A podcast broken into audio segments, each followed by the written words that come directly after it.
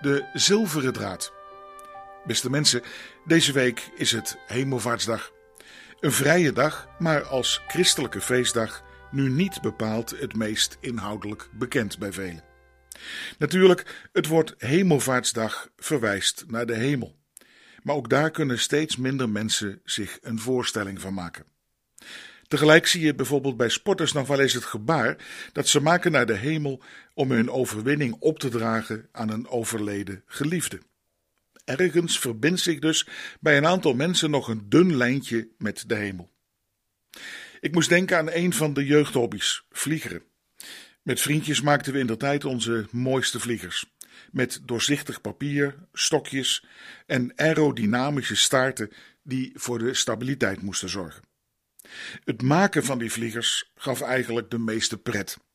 Want vliegeren zelf was lang niet altijd simpel, zeker niet in de stad. Maar het belangrijkste, maar soms ook het lastigste, was dat touwtje, dat dunne lijntje als verbinding tussen de vliegeraar en de vlieger. Het verbindt als het ware het wijdse luchtruim, de hemel, met de aarde.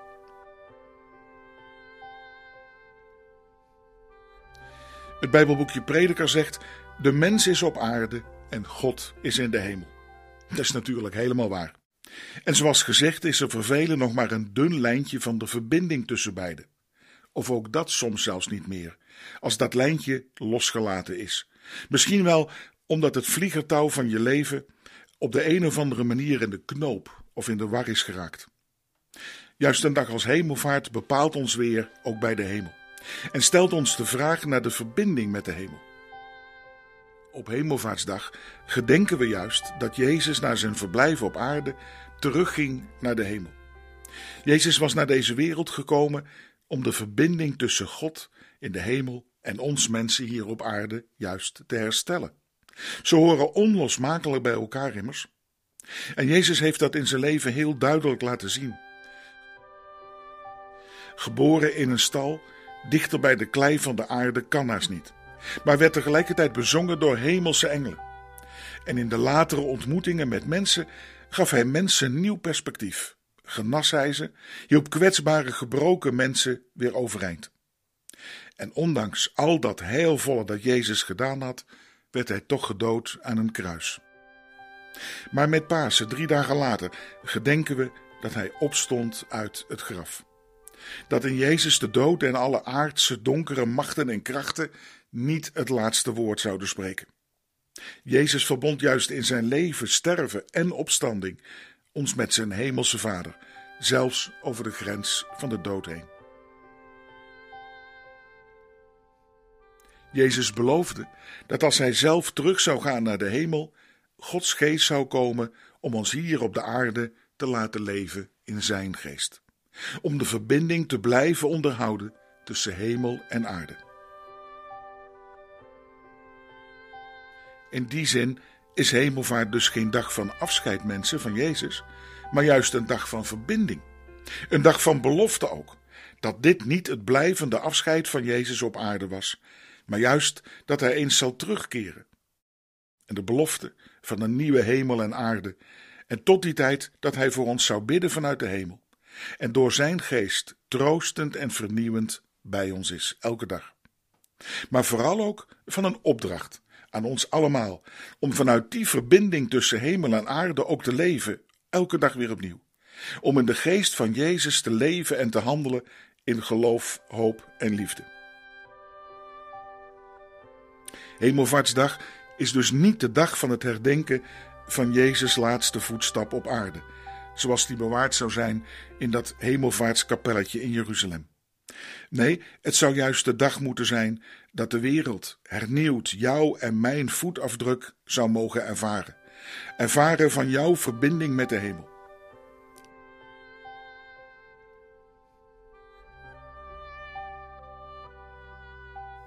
Die oude prediker zelf zei: God is in de hemel en jij op aarde.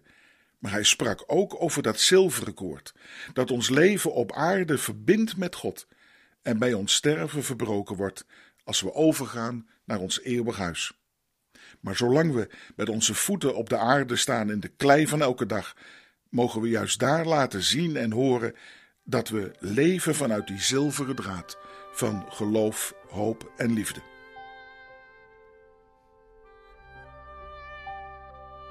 Vanuit Hem, de Heer Jezus, die bij zijn afscheid ons beloofde er te zijn voor jou en mij. En wees dus maar zuinig op die zilveren draad bij je dagelijkse vliegeren of ploeteren in de modder. Ze horen allebei bij hemelvaart.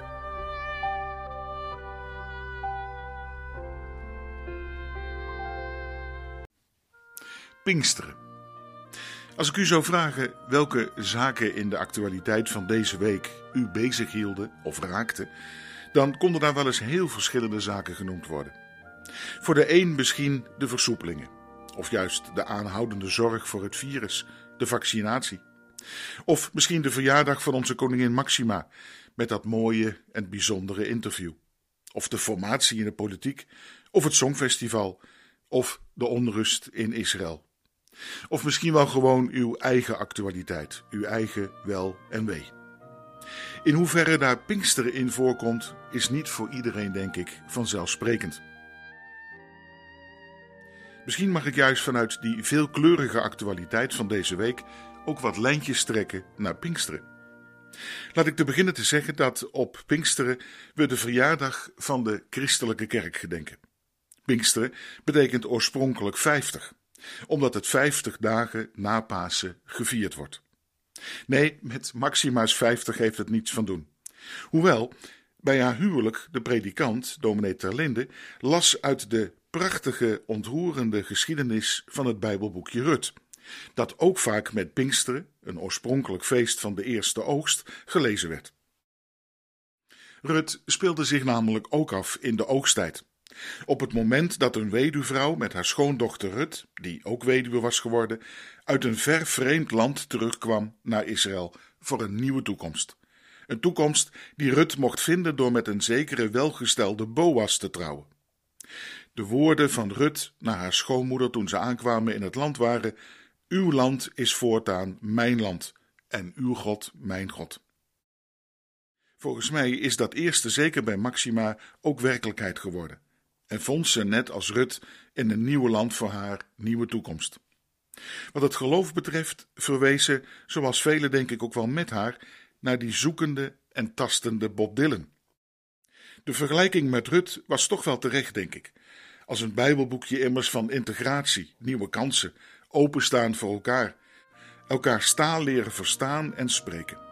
Van bitterballen van integratie en verbinding, als u begrijpt wat ik bedoel.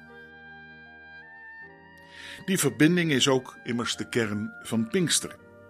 Jezus was immers naar deze wereld gekomen niet alleen om hemel en aarde met elkaar te verbinden, maar ook mensen onderling. En toen Jezus naar de hemel was teruggegaan, had hij beloofd dat de volgelingen van hem, de kerk, het niet op eigen kracht zouden hoeven te doen, maar juist mogen leren vertrouwen op die hemelse, duurzame energiebron van Gods geest. Tien dagen na Jezus hemelvaart vinden we dan de leerlingen van Jezus bij elkaar in Jeruzalem, waar het ook oogstfeest was, Pinksteren. Het was gebruikelijk dat de eerste opbrengst van de oogst, zeg maar zoals bij ons de eerste aardbeien, asperges of haring, naar de tempel gebracht werd. En uit de hele wereld waren er duizenden mensen daarvoor naar Jeruzalem gekomen, uit alle landen en met alle talen. Het Songfestival was er niks bij. En op dat moment komt er een geweldige windvlaag en worden mensen in vuur en vlam gezet, omdat ze horen spreken over de grote daden van God. Duizenden mensen verstonden in hun eigen taal wat God voor hen persoonlijk betekende en lieten zich als volgelingen van Jezus dopen. Het feest van de eerste oogst werd het feest van de eerste oogst van de christelijke kerk.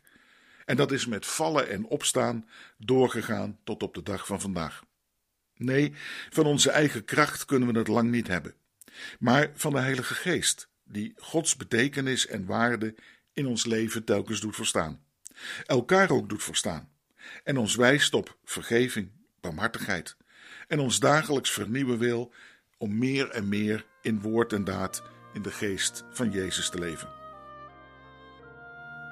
In de Heilige Geest deelt tegen God ook prachtige vruchten met ons, om in ons leven tot bloei te laten komen zoals liefde, blijdschap, vrede, geduld, vriendelijkheid, goedheid, trouw, zachtmoedigheid en zelfbeheersing.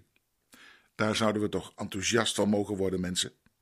Niet om dat allemaal voor onszelf te houden, in de handtas van de kerk, zeg maar, maar juist om het ook uit te delen in deze wereld. Want wie jarig is, deelt immers uit. Niet alleen onze koningin Maxima was jarig deze week, maar ook een van onze kleinkinderen, die nu voor het eerst ook naar school mocht.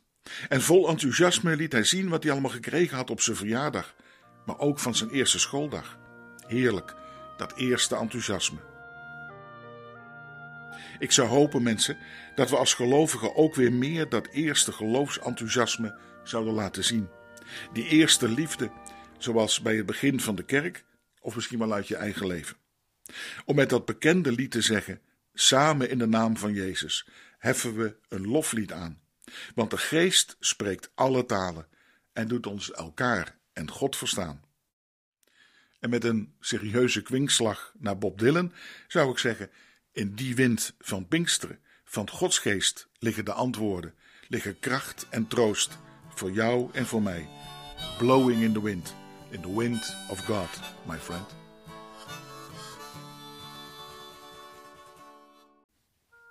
Pinksteren.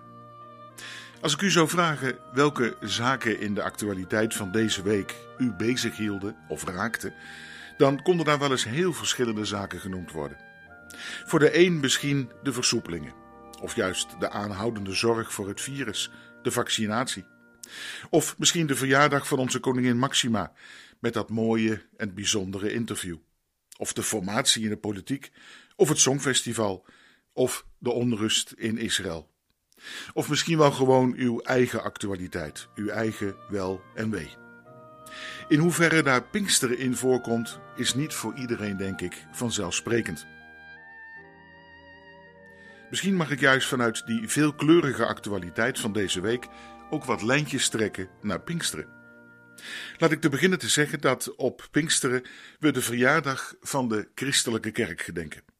Pinksteren betekent oorspronkelijk 50 omdat het vijftig dagen na Pasen gevierd wordt. Nee, met Maxima's vijftig heeft het niets van doen. Hoewel, bij haar huwelijk de predikant, dominee Terlinde, las uit de prachtige, ontroerende geschiedenis van het Bijbelboekje Rut, dat ook vaak met Pinksteren, een oorspronkelijk feest van de eerste oogst, gelezen werd. Rut speelde zich namelijk ook af in de oogsttijd.